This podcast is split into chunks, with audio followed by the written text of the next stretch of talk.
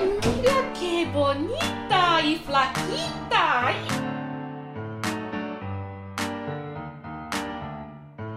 Ay, mira qué bonita y flaquita. Ay.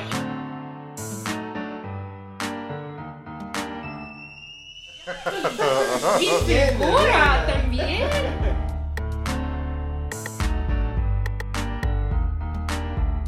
Bij een geboorte hoort natuurlijk kraamvisite.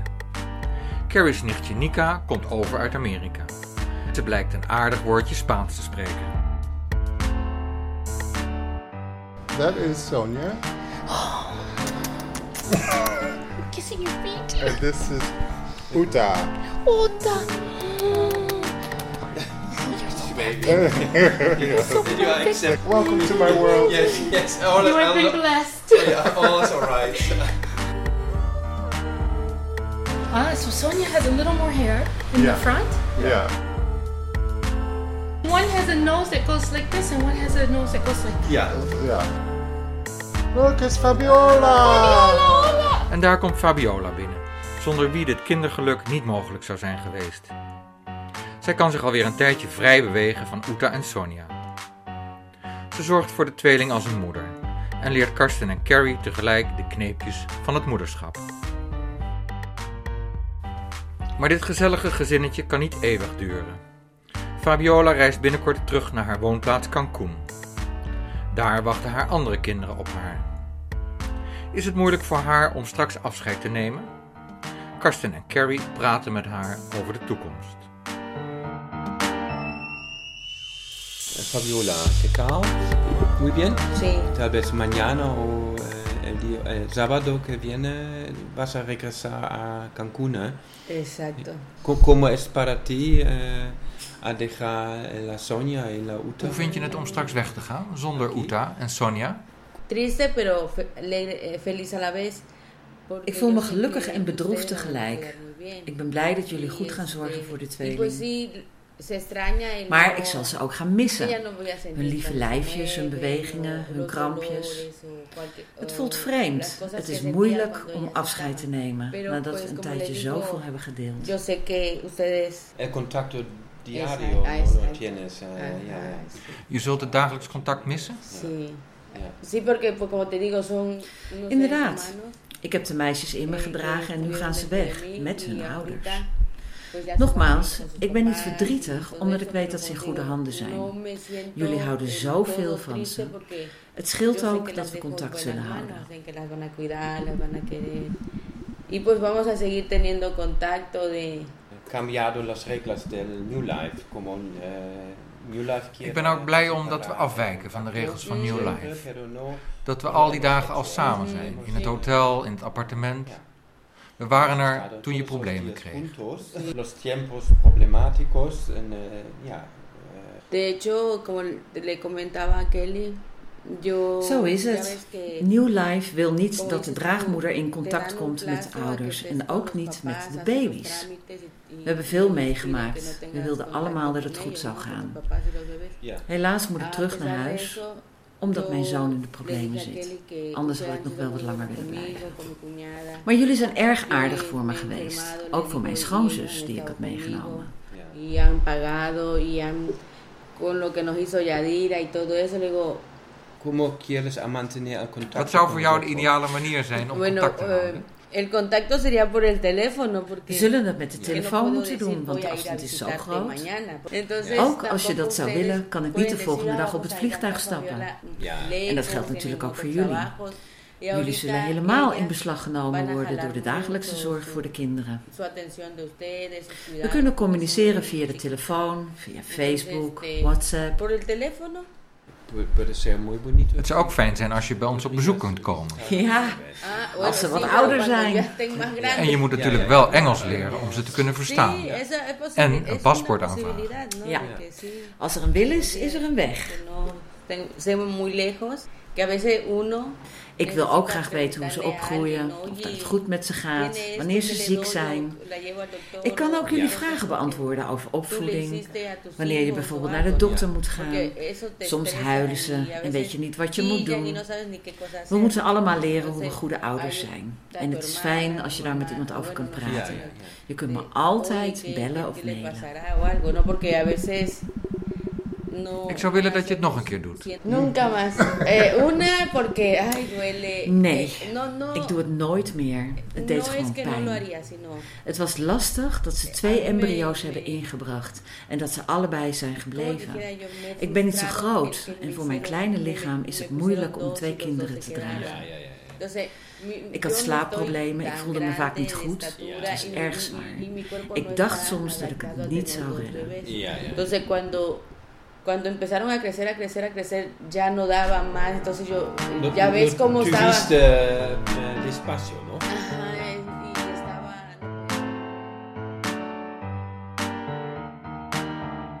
Wat we niet mogen vergeten is dat de andere kinderen van Fabiola haar buik hebben zien groeien. Dan vertrekt ze voor de bevalling naar het zuiden van Mexico en komt ze enkele weken later thuis met een lege buik, zonder kinderen.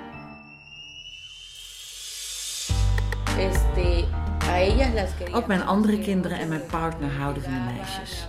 Ze hebben me geknuffeld toen ik zwanger was. Ze zullen ze ook missen. En het zal moeilijk zijn om uit te leggen dat jullie ze hebben meegenomen. Heb je foto's laten zien aan andere kinderen? Hoe reageerden ze? Ze vonden ze lief. Ze wilde dat ik er een meenam.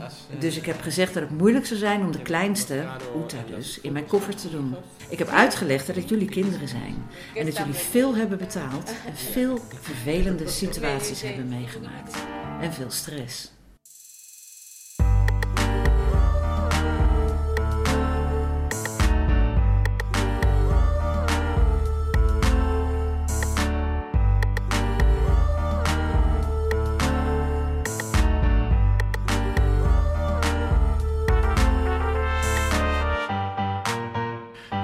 Nooit alleen, zou je kunnen zeggen.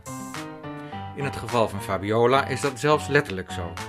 Ze krijgt een tweeling, terwijl haar lichaam daar niet op berekend is. Om de kans van mislukking te verkleinen, heeft de organisatie New Life namelijk twee embryo's in haar baarmoeder geplaatst. En niet alleen aan deze, maar aan elke zwangerschap kleven risico's, of je nu draagmoeder bent of niet. Daarnaast is er het sociale aspect. Hoe leg je je draagmoederschap uit aan je omgeving? En niet in de laatste plaats aan je kinderen. Het contact dat Kersten en Carrie hebben en houden met Fabiola maakt die kwestie waarschijnlijk beter verteerbaar. Uta en Sonja worden onderdeel van de familie. In deel 3 van deze podcastserie heb je een dergelijk verhaal gehoord uit de mond van de Nederlandse draagmoeder Pauline van Berkel uit Waalwijk. Dat gaat goed dan. Wat voor mitsen en maren zijn verbonden aan internationaal draagmoederschap, geregeld door organisaties als New Life. Ik spreek meer te buitenhuis, die de wereld is rondgereisd om het met eigen ogen te zien en op te nemen. Met twee collega's tekent zij voor de documentaire serie De Baby-industrie van KRO en CRV.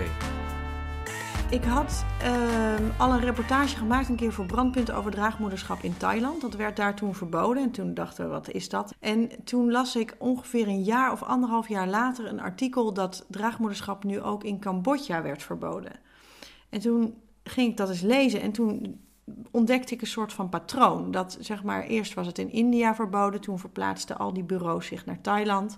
Toen werd het in Thailand verboden, toen verplaatsten ze zich allemaal naar Cambodja. En toen werd het in Cambodja verboden. En toen was een beetje de vraag, nou, waar zouden ze dan naartoe gaan? En daar ben ik ingedoken en toen dacht ik, eigenlijk is dit een veel groter verhaal dan één reportage of dan mhm. één land. Ehm, en toen ja, zijn we eigenlijk met het idee gekomen om daar uh, dus een groot onderzoek naar te gaan doen, naar die hele vruchtbaarheidsindustrie. Want dat bleek, bleek daar achter te zitten. Een industrie? Ja, ja, zo, ja, ik ja, moet tot de conclusie komen dat ik het niet heel anders kan noemen. Hm. Als je ziet hoe het georganiseerd is en hoe er eigenlijk met name wordt geredeneerd vanuit geld. Hè, door, de, door de organisatie zelf. Natuurlijk niet door mensen die de wens hebben of de vrouwen die die kinderwens willen vervullen voor anderen. Maar door de bureaus die daartussen zitten, ja, dat is echt een industrie geworden. Je hebt uh, vier afleveringen gemaakt, samen met uh, Lisbeth Staats. Ja, en Martine Braam, die Martine de research heeft gedaan. Ja. Hoe, hoe, kijk je nu naar die industrie?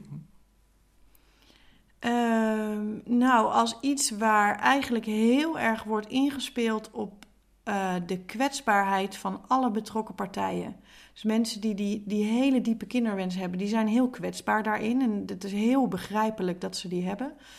Um, maar er wordt door die bureaus gezegd: kijk, je bent jarenlang nergens verder geholpen. En wij gaan dat voor je regelen. Als jij nu dit formulier invult, dan krijg je deze baby's. Er staan ook allemaal foto's bij van baby's. Start your family here. Make your dream come true. Uh, en nou ja, gegarandeerd pakket voor 55.000 euro. Um, en aan de andere kant zijn, dat, zijn er vrouwen die weinig geld hebben.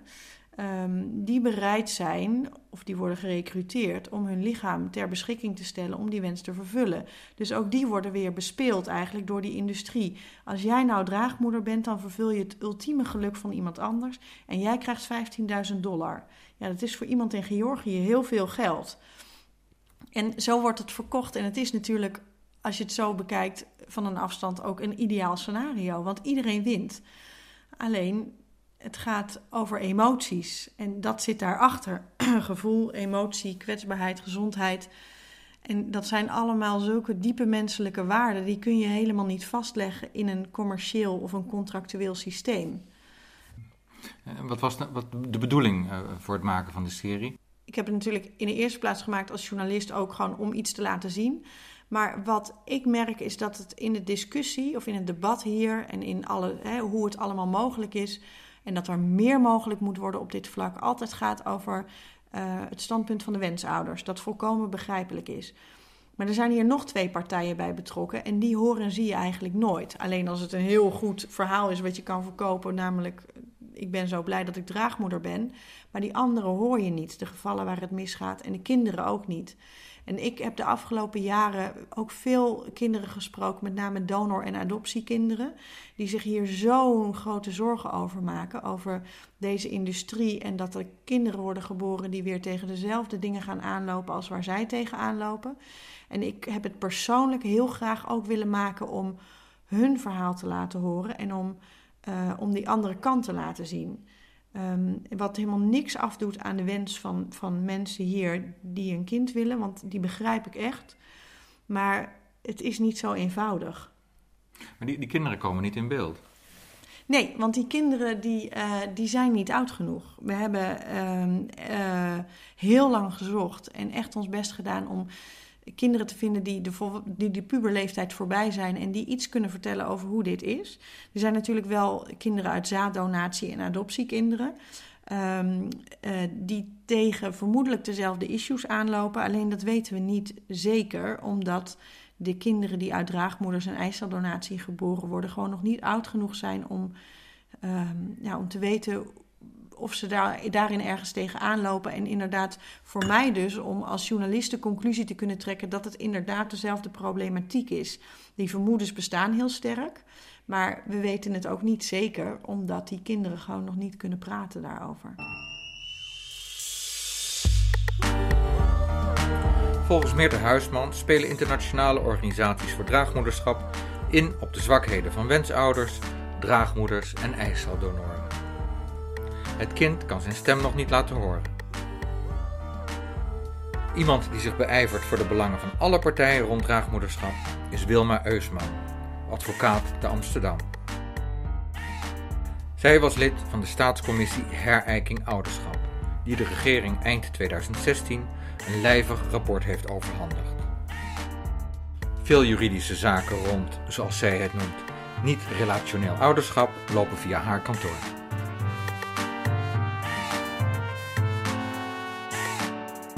Ik ben Wilma Eusman. Ik ben uh, advocaat in, uh, in Amsterdam. En ik heb mij toegelegd uh, op niet-traditioneel ouderschap. En daar de, alle juridische aspecten bij. En hoe is dat zo gekomen? Hoe is dat zo gekomen? Ik ben zelf, heb ik samen met mijn vriendin een zoon, die is inmiddels 25.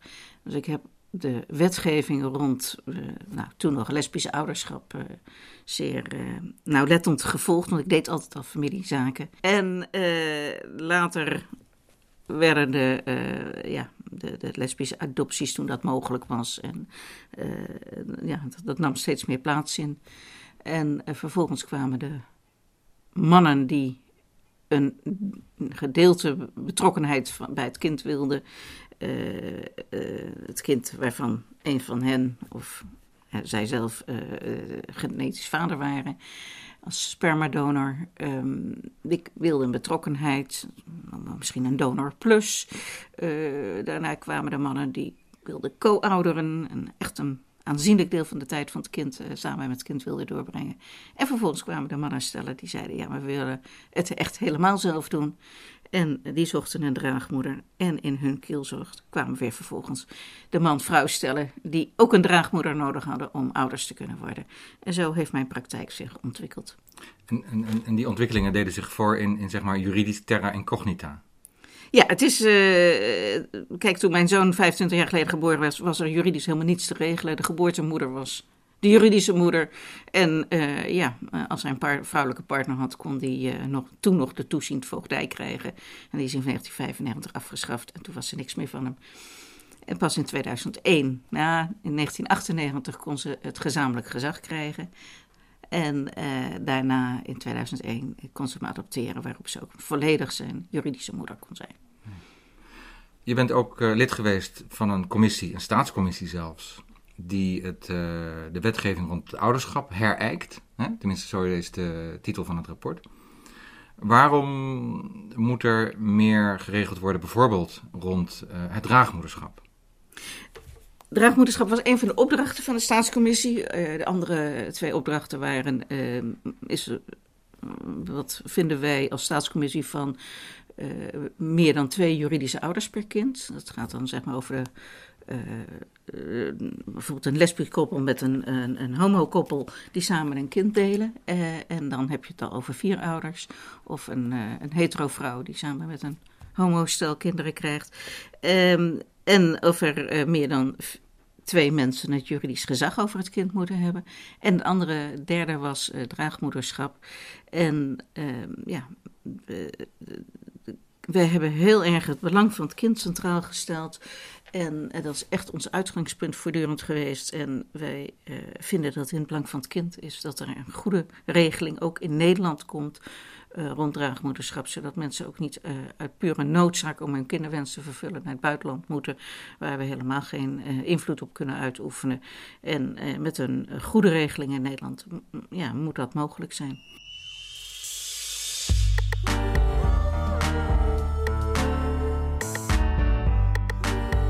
Als een, een vrouw geboorte geeft aan een kind, is zij juridisch altijd de moeder, ook al is de embryo van een ander. Ja, uh, wat men altijd riep was: uh, moeder maakt geen bastaard. Want ik kan precies aanwijzen, uit die mevrouw is het kind geboren, dus het is haar kind. Geen twijfel over.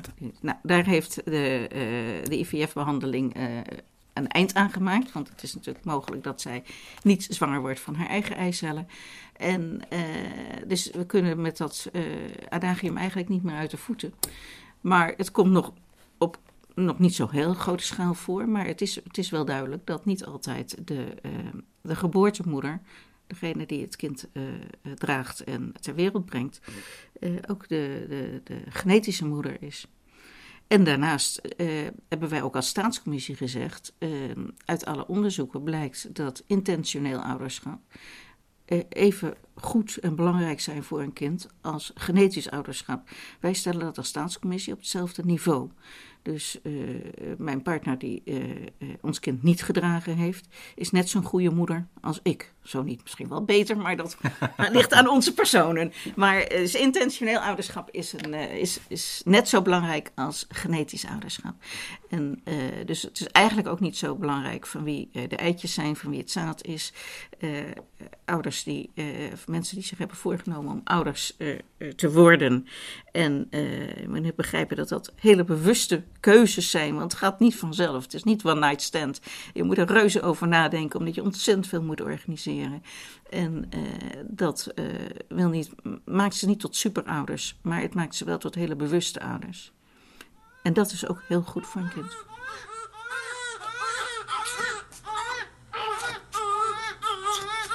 Oké, waar moeten we beginnen? Um, ja, Fabiola is weggegaan. Was het al willen dat ze weg is gegaan? 5, 5 à 6 april. Ja, ja, ja. Het ochtends heel vroeg. Uh, zij en haar schoonzus zijn vertrokken heel vroeg. En uh, ja, dat is een beetje raar om. Ja, we hebben natuurlijk met haar de afgelopen drie weken omgegaan. En ineens was ze weg en wij waren hier met twee kinderen. Twee echt kleine baby's. Ja, dat was uh, apart. En we moeten dagelijks routine opbouwen.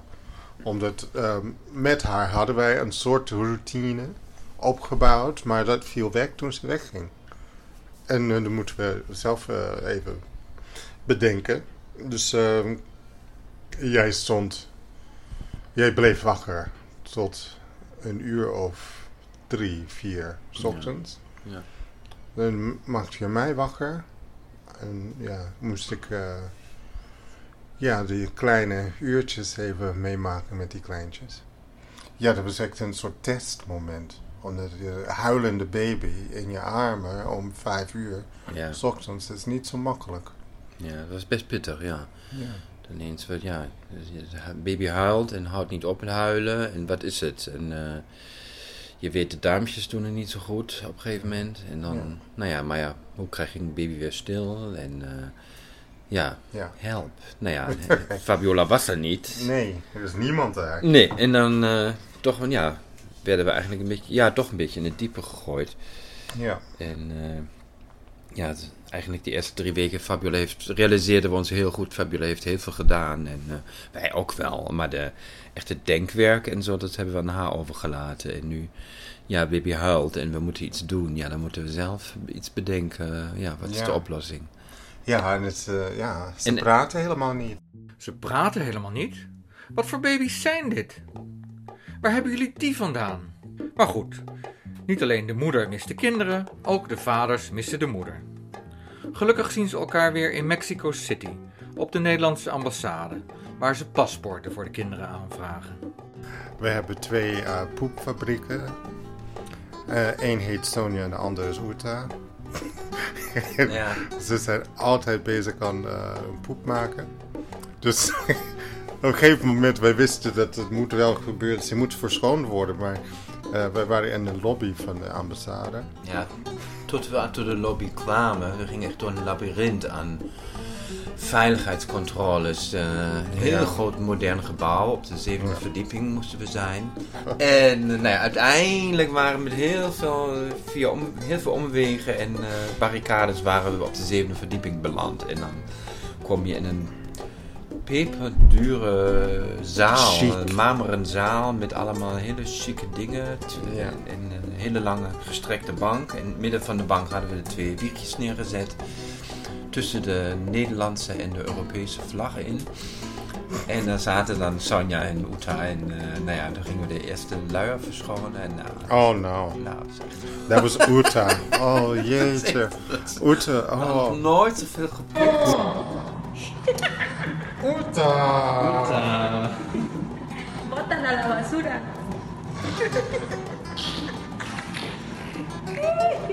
ja. Uta, cochina.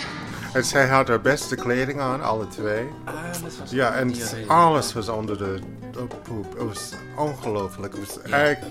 Wow. het was een slapstick eigenlijk. ja. En toen hadden we net alle ravage opgeruimd van die een en toen begon de ander. Oh ja, en dan en, Sonja moest Ja, ja, Sonja moest ook. En die had echt een soort softijsfabriek.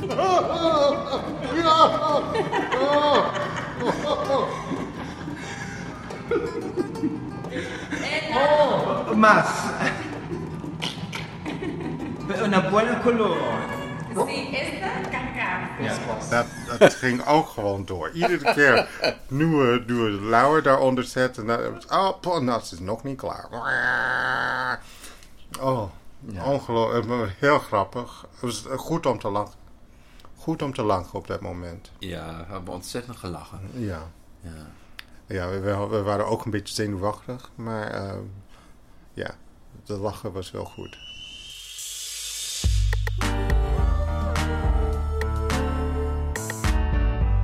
Terug naar advocaat Wilma Eusman. Wensouders kunnen in Nederland alleen ouder worden van hun eigen genetisch materiaal. En daarvoor kunnen ze alleen terecht in het academisch ziekenhuis van de VU. Dus als zij zeggen van nee, maar we hebben een eiceldonor gevonden, dan werkt het niet. Dan kunnen ze in Nederland niet terecht. En dat is wel heel erg vervelend, omdat uh, mensen eh, zoeken naar. Uh, bijvoorbeeld de mannen stellen, ja, die hebben nou eenmaal geen eigen, maar ook vrouwen die zelf hun eitjes niet kunnen gebruiken.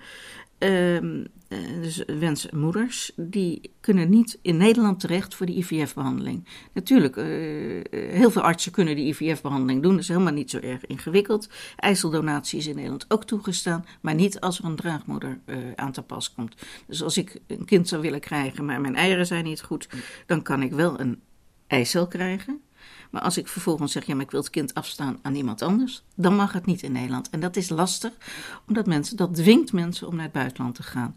Dat geeft een ander aspect, omdat de ons omringende landen, en dan moet je uh, uh, denken aan bijvoorbeeld Cyprus, waar een kliniek zit, of een aantal klinieken die uh, dit soort draagmoederschapszaken wel doen. Um, die werken uitsluitend met anonieme eiceldonoren. Dat betekent dat het kind niet achter de identiteit kan komen van de eiceldonor. Dat vinden wij in Nederland weer helemaal geen goed idee, want wij zeggen ja, maar wij vinden dat een kind recht op heeft om, uh, als het kind, zeggen wij nu, uh, staat zo nu in onze wet, als het kind 16 is, dan kan hij achter de identiteit komen van de leveraar van de, uh, ja, de helft van zijn genen. Uh, een spermadonor, een mm eiceldonor. Maar als je dat, de, de, de, de wensouders eigenlijk dwingt om naar het buitenland te gaan, dan ben je overgeleverd aan dat recht. En dan hoeven helemaal niet. Dit is dan Cyprus die dit uh, uh, met voor draagmoeders regelt. Maar ik heb ook lesbische cliënten die naar België gaan uh, of een spermadonor uit Denemarken laten komen. Maar ook in, en België, toch niet zo heel ver bij ons vandaan, die vindt anoniem doneren heel gewoon. Sterker nog, het staat in hun wet. Spanje, precies hetzelfde. Die vinden het in het belang van het kind. Mede op datzelfde kinderrechtenverdrag gebaseerd zijn ze ook allemaal lid van. Ze vinden het in het belang van het kind als die uh, donor niet bekend is. Nou, als jij als Nederland vindt, wij uh, vinden dat zo ongelooflijk belangrijk dan moet er hier ook een facilitatie, ja, facilitatie ja, komen. Hoe heet het? Moet het gefaciliteerd worden voor, uh, voor kinderen? Anders is het een hol argument. Nou, nee, het, het, het maakt mensen, uh, die gaan dan toch uh, naar het buitenland, want ze hebben geen andere keuze om hun kinderwens te vervullen. In 2014 heb je een, een gay koppel vertegenwoordigd, Michel en IJse, die een draagmoeder hadden gevonden en een eiceldonor. En zij wilden van een kliniek dat, zeg maar, ehm, de kwestie in behandeling zou worden genomen. In uh, medische zin.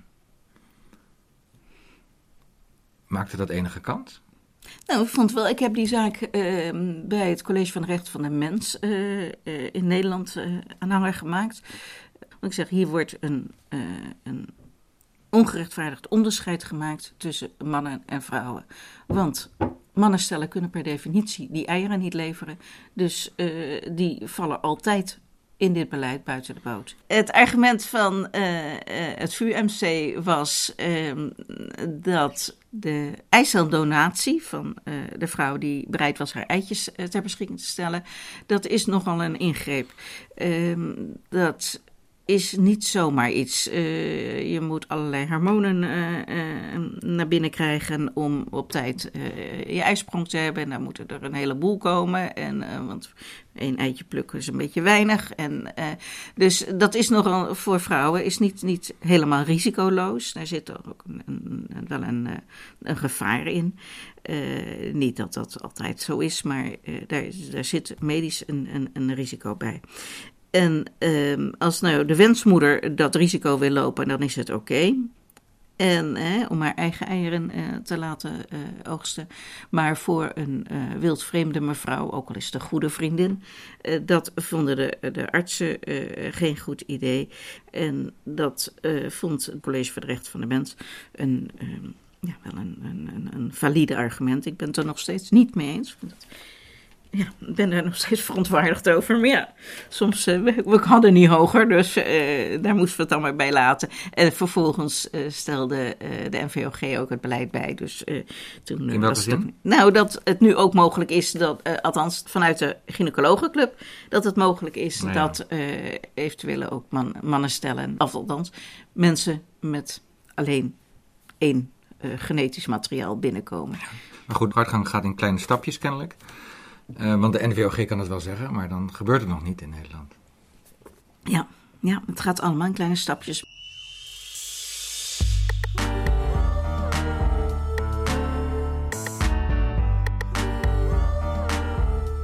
De vooruitgang gaat in kleine stapjes. In het regeringsadvies waar Wilma Uisman aan meeschreef, wordt de mogelijkheid aanbevolen dat slechts één wensouder genetisch materiaal levert aan de draagmoeder. Dit opent de weg naar draagmoederschap met eiceldonatie voor wensouders in Nederland. Maar om van het advies tot wet te komen, kost waarschijnlijk nog een paar jaar. Je mag verwachten dat in Nederland een vrouw die eicellen doneert goed wordt begeleid. Maar hoe gaat dit buiten Nederland?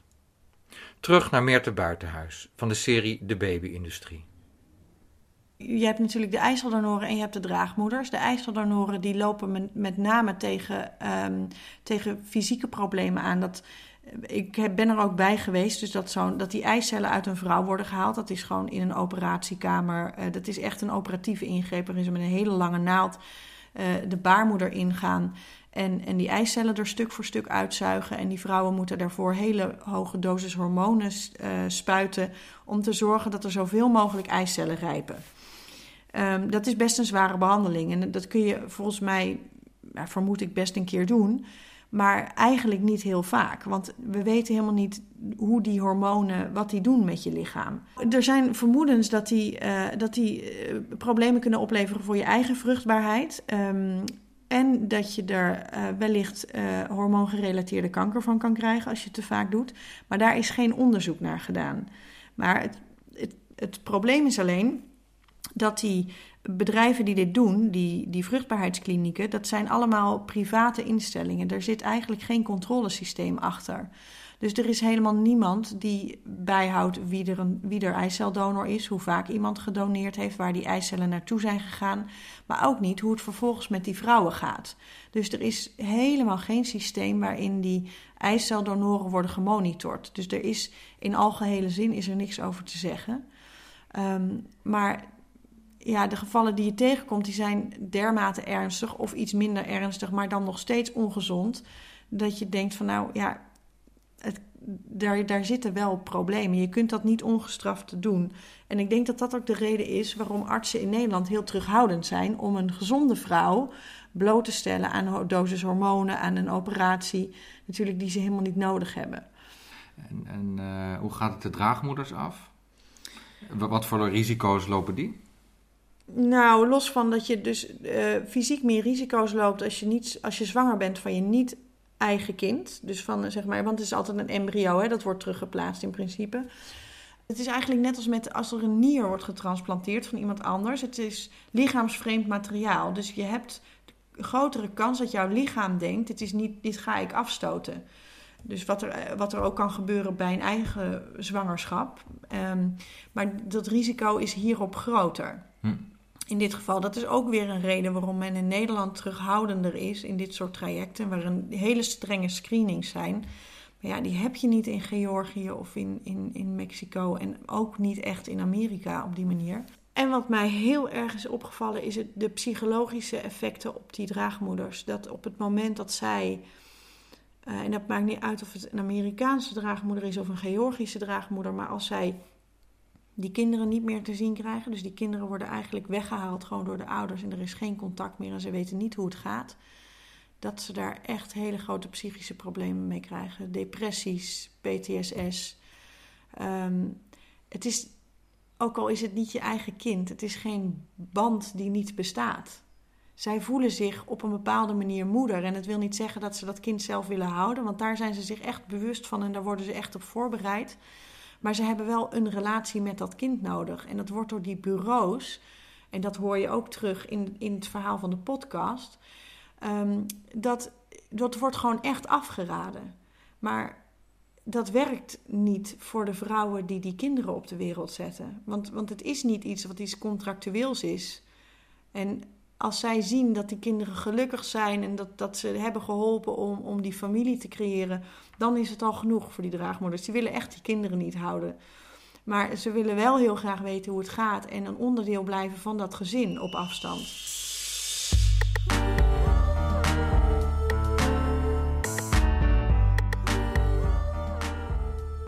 We gaan een paar maanden terug in de tijd, als ik Carrie en Karsten voor het eerst spreek in hun woning in Amsterdam-Noord. Voor een draagmoeder is het, is het ook een belasting natuurlijk, ja. ook emotioneel. En daarom vindt Fabiola het ook zo fijn om, om het contacten te onderhouden. Maar ja, kijk, wij, wij, zijn allemaal mannen, hè? Maar je, je, moet je maar voorstellen dat er een kindje in je buik uh, groeit. Um, en, uh, en ja, nou ja, maar dat, ja, dat kunnen wij niet. Nee. Nee, en daar mag je, mogen we ook niet aan voorbij gaan, vind ik. Nee. De, gevoelens van de draagmoeder. Ja. En ik ben zo blij in onze casus, in onze situatie, dat Fabiola wel open staat voor ons. En dat we daar de mogelijkheid hebben om daar ook band te houden. En uh, je, je, kan dat niet zo klinisch afsnijden. En hup, het is de dag van de geboorte en jij gaat weer terug naar Cancún en wij gaan naar Amsterdam en ons leven gaat starten. Dat zou, zou me ook heel erg pijn doen. Omdat, uh, ja. En ook ergens lastig om uit te leggen aan de kinderen. Dat is, dus, uh, ja, zeker als je de, de kans had en je hebt niet gevraagd of je wilde eigenlijk geen contact. Ja, dat is wel...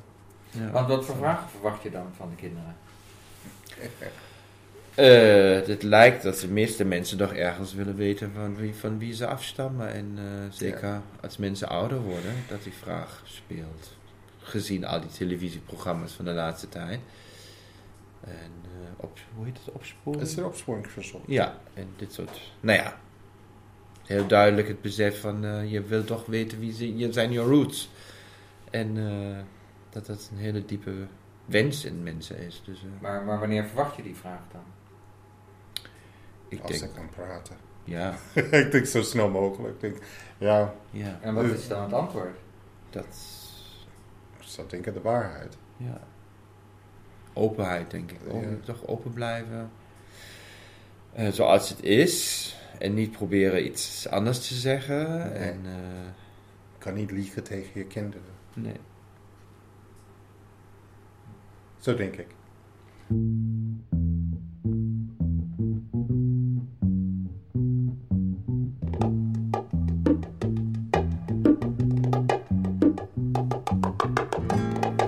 Tijdens het maken van deze vierde aflevering van de podcastserie Wensvaders arriveren Karsten en Carrie en Uta en Sonja veilig op Schiphol.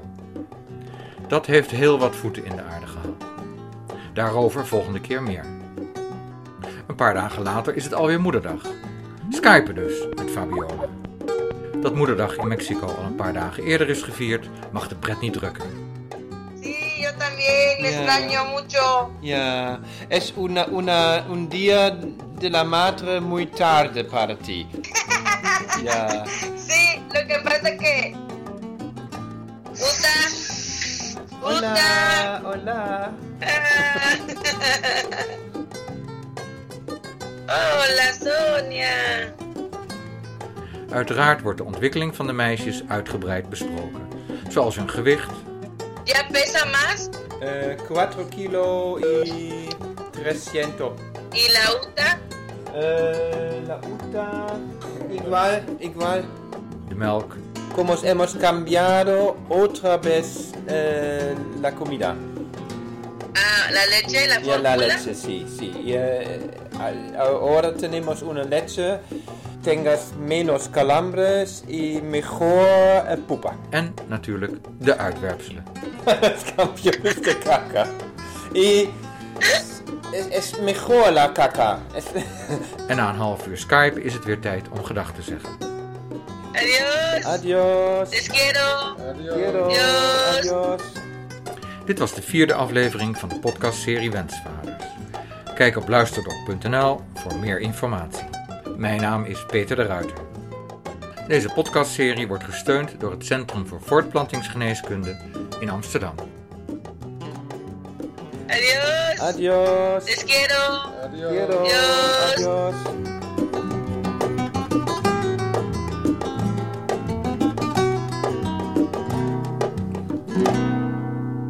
Negen maanden later ga ik bij Carrie en Karsten langs om Uta en Sonja te bewonderen. Om te horen hoe de mannen zich nu voelen en om te vernemen hoe de afgelopen maanden zijn verlopen. We praten over ijsceldonor Melissa, die pas sinds kort in beeld is. En de band met draagmoeder Fabiola. Jullie hadden een heel warm contact met Fabiola in Mexico. Uh, ook uh, voordat de kinderen werden geboren en nadat de kinderen zijn geboren. Ja. En nu zijn jullie alweer een tijdje in Nederland. Hoe is het contact nu met Fabiola? Oh, ja, het, ja, het is contact uh, met afstand. Dus het is altijd een beetje vertraagd, een beetje. Um, ja, het leven gaat door. Zij wilde natuurlijk haar leven oppakken. Want ze heeft Dus zelf kinderen, hè? Zij heeft vijf kinderen van Eigen zichzelf. gezin heeft hij. En zij is ook oma net geworden. Dus als de foto's heel schattig zijn, hebben we wel contact met haar. Ja. Dus wij sturen regelmatig foto's. Zij, ja, zij schrijft wel wat terug.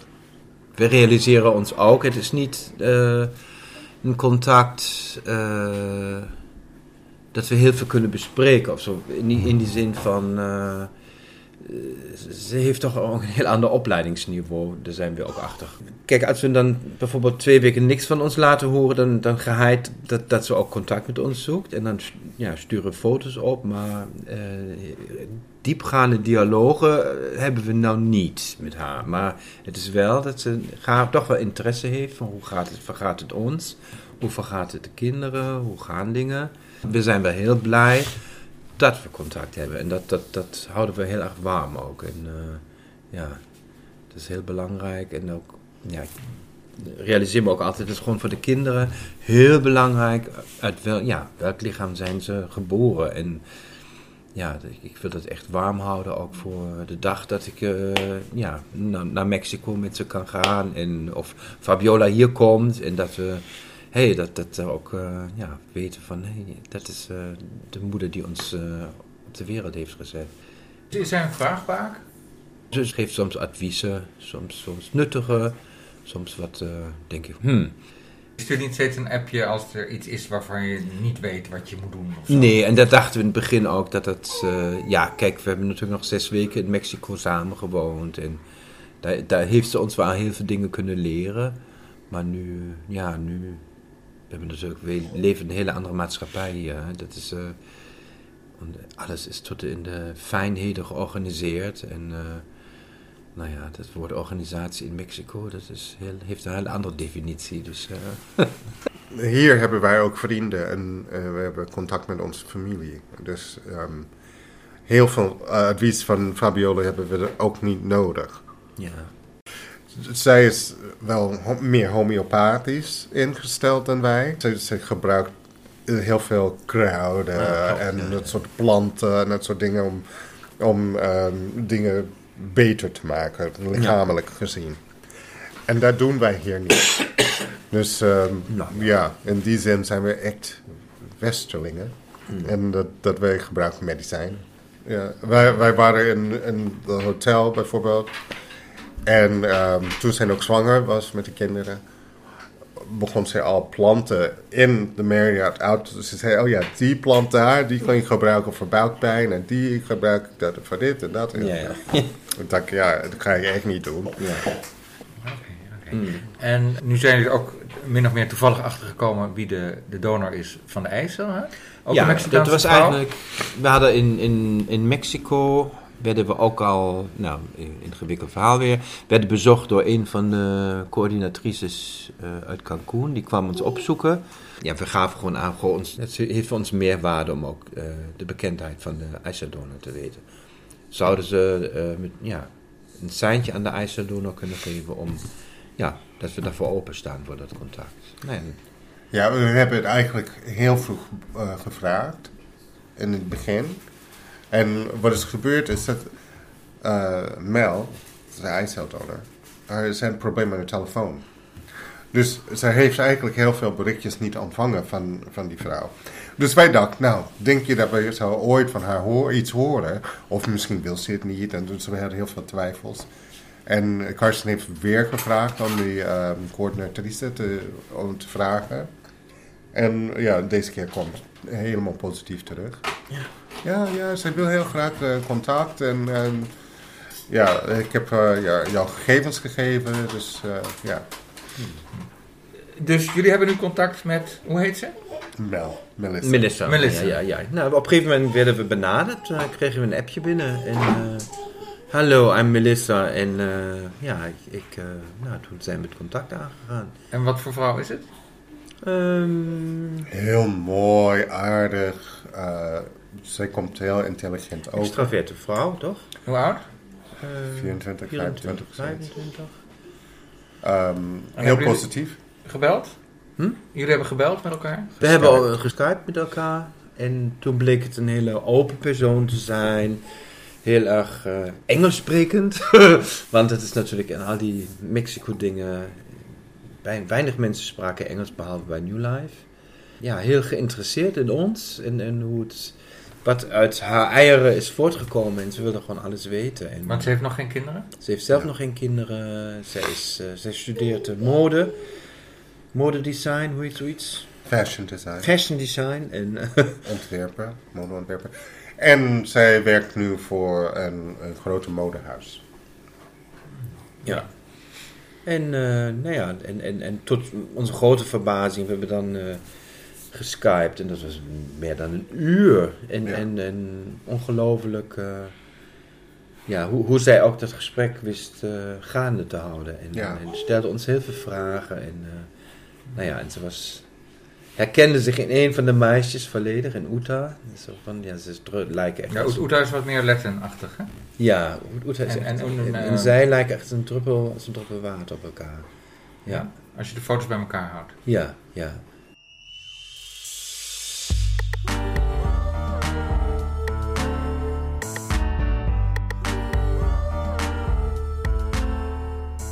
Voordat de mannen met Melissa hebben geskyped, stuurden zij een voicemail. Oh my god, this is so crazy. Yesterday I talked about a lot of, of the girls. I show some picture to my friends and we talk a lot of hours from the from uh, about the girls. It was really crazy and today you guys sent me a lot of pictures and told me that oh it's really nice i feel really great they're really beautiful real really really nice i mean I can see some jeans for me in there in that little girls. They're really nice.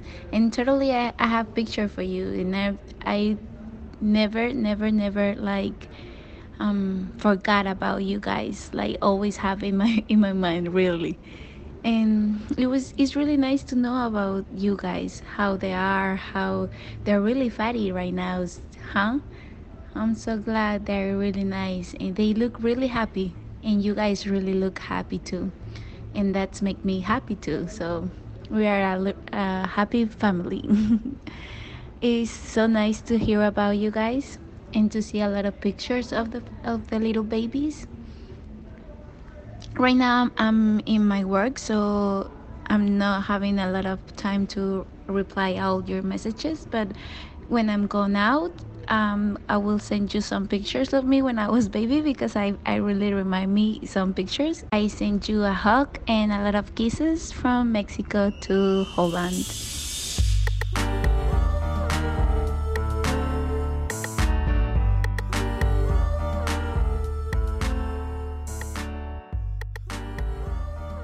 Dit was de eerste voicemail? De eerste voicemail. Daarna zijn we gaan skypen ook, ja. Zo, zo ging dat. En heel, Hoe kwam het op je over om dit te horen? Oh, zo fijn. Zo warme ja, bad. Ja, ja, dat is, uh, nou ja, dat, hoe zeg je dat in het Nederlands? Dat durfden we niet te hopen of zo. En dat is ook, dat is uitgekomen. Er zijn een aantal dingen misgegaan. Dit en de kern, de, gewoon de contact met de eicerdonor en draagmoeder. Wauw, dat, dat hebben we. En dat kunnen, we ons, kunnen ze ons niet meer afpakken. Dat is er. De kinderen weten waar ze vandaan komen. En dat is uh, zo'n diepe vraag waar je, die, waar je graag antwoord op wilt hebben. En dat, uh, ja. Want het voelde als een soort los eindje nog of zo. Of een puzzelstukje wat nog niet mm. gelegd was. Nee, het had, had, het had, ook anders kunnen lopen. Dat, dat ze zeggen, nou, sorry, we geven de informatie niet prijs. Uh, ja, de wetgeving die in Nederland geldt, die geldt niet in... Dat is een andere wetgeving in Mexico. Dus hier hadden we enorm veel geluk dat, het, uh, ja, dat we op, op, onze vraag in zijn gegaan. En dat, uh, ja, dat ze ons geantwoord hebben. En, en, en dat Melissa ook open staat daarvoor. En ja... Hebben jullie het nog met Melissa erover gehad waarom ze haar eicellen heeft gedoneerd? Uh, ja, ze heeft wel iets erover gezegd. En het was meer dat ze wilde wat goeds doen voor andere mensen. Um, ze, zij gelooft wel dat, dat uh, er zijn veel mensen die kinderen wil en maar niet kan, niet kan, niet kunnen. En um, als zij gewoon een positieve rol erin spelen, dan wilde ze dat doen. Ze heeft het twee keer gedaan. En dus zij voelt nu dat ze heeft, het, ze heeft haar deel gedaan. Haar rol is vervuld. En zeker nu dat ze heeft kinderen gezien, ze is heel blij daarmee. Omdat de eerste keer, ze weet niet wat is gebeurd met haar eieren. En ja, maar ze heeft ook niet nagevraagd. Maar het is niet zoals wij heeft gevraagd om, wil je een deel van ons leven zijn? Bij, bij de ander, ik denk dat is niet gebeurd. Dus ja, en als, omdat alles is anoniem, ja, soms durf je het niet te vragen. Ik hoop dat als mensen dit horen, dat ze weten dat het hoeft niet anoniem te zijn. Dat is een keuze tussen twee partijen. En je kan anders kiezen. Het concept is veel verkocht in het begin dat je wilt anoniem en dan is het echt jouw kind. Je hoeft nooit mee te maken met, uh, met, met de, de, wensen van een ander. Verwacht je dat je binnen één of twee jaar Melissa ziet? Of Fabiola weer ziet? Uh, ik zou het wel stimuleren, ja. Alleen ja. We, hebben nog zoveel juridische dingen die we moeten betalen. Dus dan, dan dat is nu nog geen denken aan. Maar zodra het kan, dan, dan wil ik toch heel graag of dat wij naar Cancun gaan of een uitnodiging uitspreken en uh, ja, toch wel contacten ook leggen, fysiek. Uh, ja.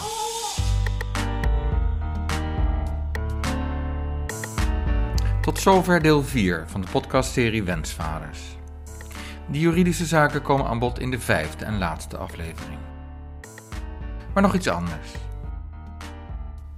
Toen de microfoon uitstond, vertelde Karsten dat er nog vijf bevruchte embryo's van hem en Melissa in een vriezer liggen. Wat nou als je er mij één doneert en ik zoek er een draagmoeder voor? Dat was voor ons beiden een bevreemdende gedachte misschien vergelijkbaar met de gevoelens van Fabiola en Melissa. De baby is van jou, maar ook weer niet.